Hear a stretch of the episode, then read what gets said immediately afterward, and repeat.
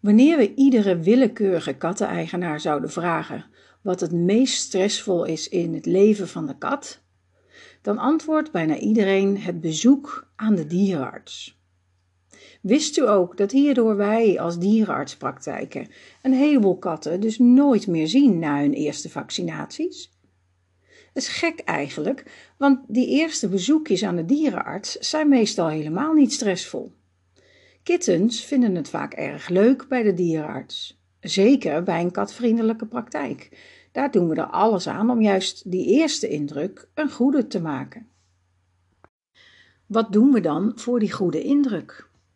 Bij binnenkomst worden de katten al gelijk apart gezet van andere dieren. Je wilt zeker geen hondensnoet voor een gezicht houden in een toch al stressvolle situatie. We gebruiken pheromonen, in de vorige aflevering besproken. Dit helpt ze om hun op hun gemak te laten voelen.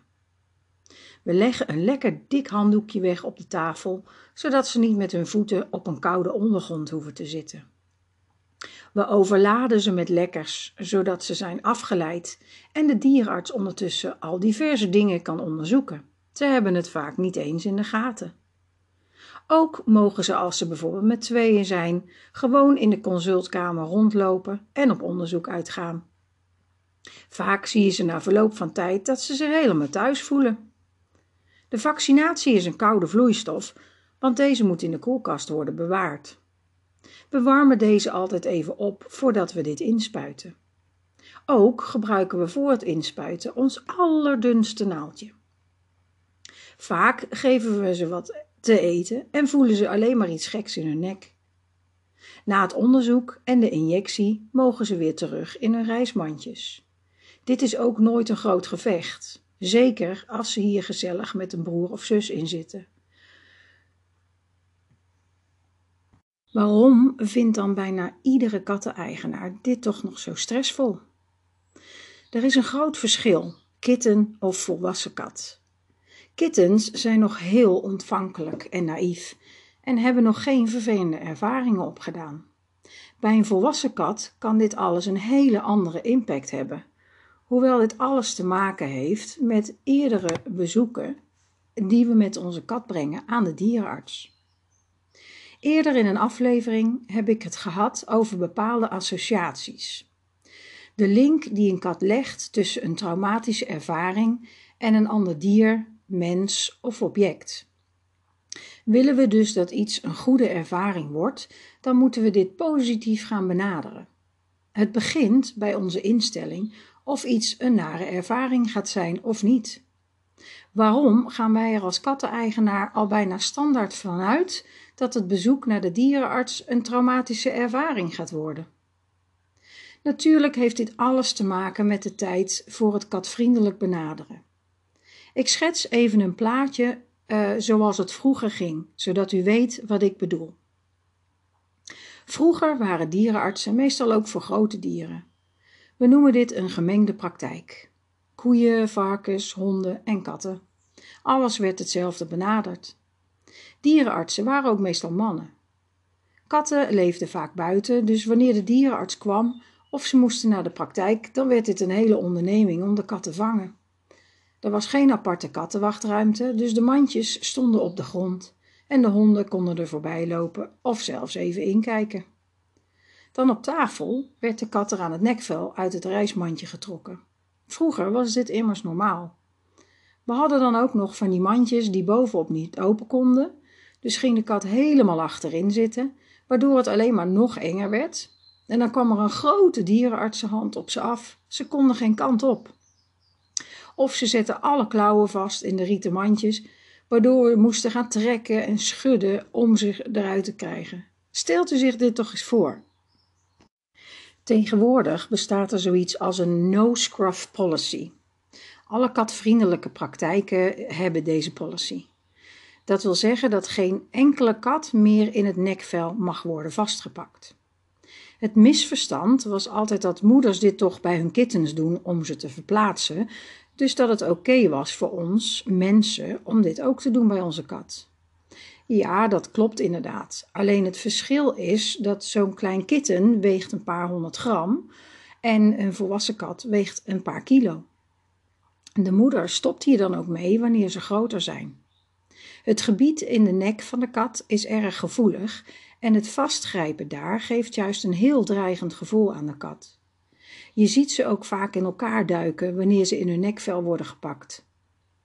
Maar waarom werkt het dan soms wel? Inderdaad, sommige katten geven zich helemaal over aan hun angst wanneer je ze in hun nekvel pakt. Die zijn dus letterlijk verlamd van angst. Dus nee, dit gaan we nooit meer doen. Was dan eenmaal de kat uit het mandje getrokken, dan bleven we deze meestal heel stevig vasthouden om, om hem te onderzoeken. We weten nu dat juist het fixeren van de kat juist extra stress uh, geeft, omdat de kat beperkt wordt in zijn doen en laten. Dit kan juist agressie en angst opwekken. Dan werd er een dikke gele naald gebruikt voor het injecteren van de koude vloeistof in het gevoelige nekvel. Dan werd er nog een pil ingepropt, meestal de ontworming, en deze pillen waren toch zeker niet smakelijk gemaakt, dus de kat werd ook altijd een beetje misselijk na het ingeven. Dan werd de kat weer in het mandje gepropt en mocht deze weer fijn in de auto mee naar huis. Dit is echt zoals het vroeger ging. Echter, we wisten niet beter. En ja, ook ik heb nog in praktijken gewerkt waar we dit deden. Het hele katvriendelijke benaderen is pas van de laatste decennia, dus was toen nog helemaal niet een ding. Logisch dus dat mensen die al een tijd geen kat meer hebben en niet naar een dierenarts zijn geweest, hier dus helemaal niet van op de hoogte zijn. Katten hadden toen ook gewoon een andere positie in onze maatschappij. Ze waren er om muizen te vangen en meer niet eigenlijk. Nu is de kat echt een deel van het gezin geworden voor velen en dat is ook een reden waarom we er nu anders mee om willen gaan. Hoe kunnen we dan het gevreesde tripje naar de dierenarts wel leuk maken? Het begint allemaal bij het begin. Het reismandje. Waar gaan we een kitten halen? Vaak reizen we stad en land af op zoek naar een nieuw huisgenootje. Urenlang in de auto is het zeker waard voor zo'n prachtige kat. Beseft u dan ook gelijk dat het autorijden voor ons geen probleem is. Maar wat denkt u voor zo'n kitten? Deze is nog nooit bij zijn moeder weg geweest, altijd rustig in de kamer met broers en zussen kunnen spelen en nu ineens moet deze alleen in een kleine donkere ruimte gezet zonder de geuren en gezelschap van zijn medenestgenoten.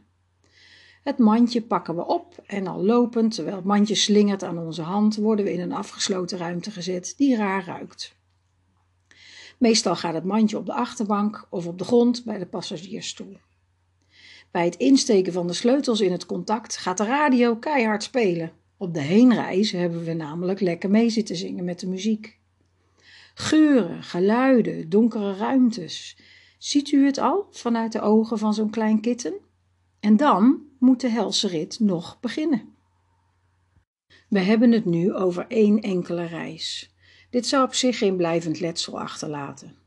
Wel is het zo dat die vervelende ervaring van die donkere ruimte, waarin ze misselijk werden met die herrie en andere vreemde geluiden op de achtergrond, nu geassocieerd kan worden met het reismandje. Daar begon het immers mee. Dus, tip 1. Koop een nieuw reismandje, waar u de kat op een prettige manier aan kan laten wennen thuis. Een mandje waar de bovenkant vanaf kan zodat u de onderkant met een heerlijk warm bedje in de woonkamer kan zetten. Het oude mandje van het eerste ritje geeft u goed schoongemaakt aan iemand anders met katten of aan het asiel. Wanneer u het kitten brokjes voert in het nieuwe mandje, zal deze gauw hieraan gewend raken en er zelfs graag in gaan liggen. Dit is waar je naartoe wilt.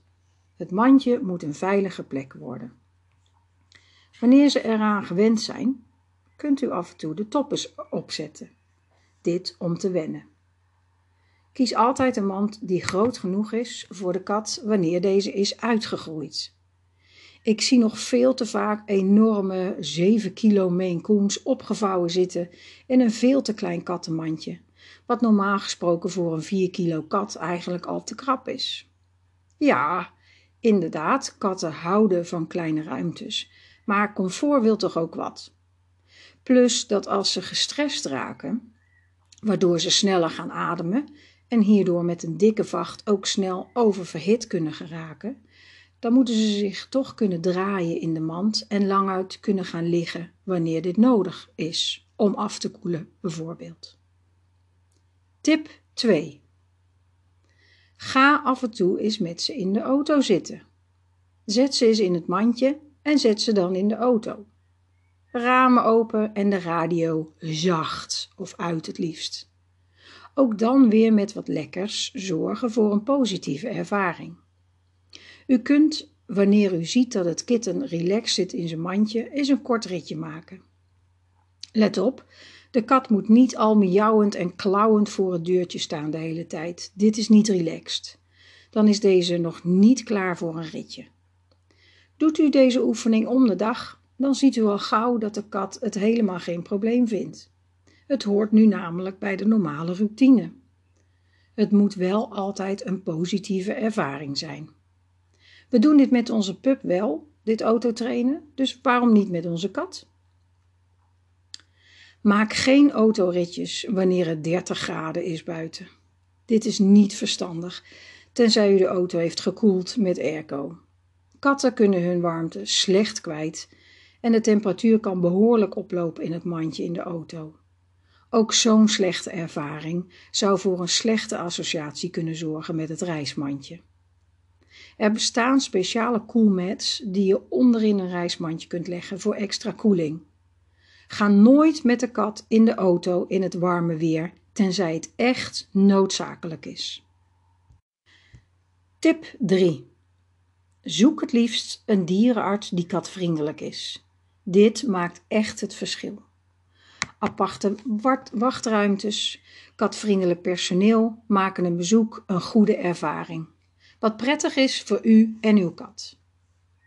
Ook krijgt u bij zo'n praktijk de juiste informatie over de gezondheid van de kat, maar ook over het gedrag, voeding en bijvoorbeeld het toedienen van medicatie. Dit is namelijk ook voor vele eigenaren een struikelblok. Hierover ga ik het in een latere aflevering nog hebben. Alles om ervoor te zorgen dat u ieder jaar eigenlijk voor de gezelligheid naar de dierenkliniek rijdt zonder een gillende, krijsende, poepende kat op de achterbank. Nog een hele belangrijke allerlaatste tip over dit onderwerp. Wanneer u het mandje niet meer gebruikt, zet deze dan niet ergens ver weg op zolder of in een oud schuurtje of dergelijke. Maar probeer het liefst in zicht te houden, of in ieder geval in het basisterritorium van de kat. Hierdoor blijft de geur van de kat eraan zitten en kan de kat het altijd nog gebruiken en is het een, een onderdeel van het interieur.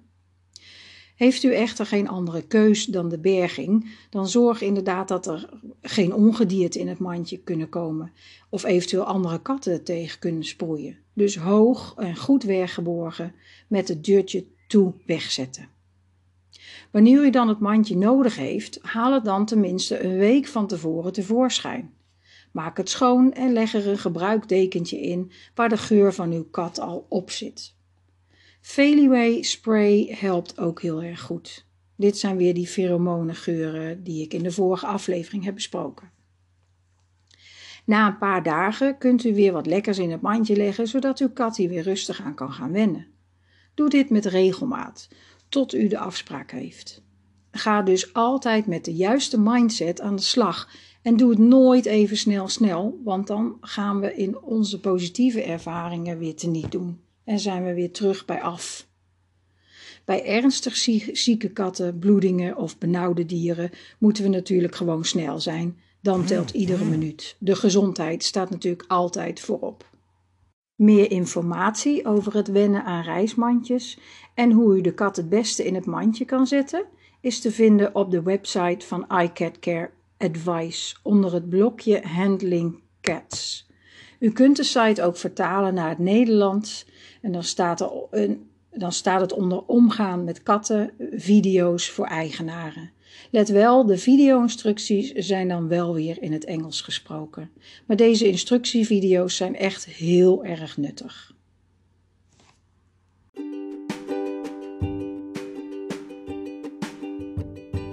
Bedankt voor het luisteren.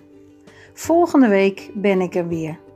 Dan ga ik het hebben over de seniorenkat en hun bijkomende gedrags- en gezondheidsproblemen.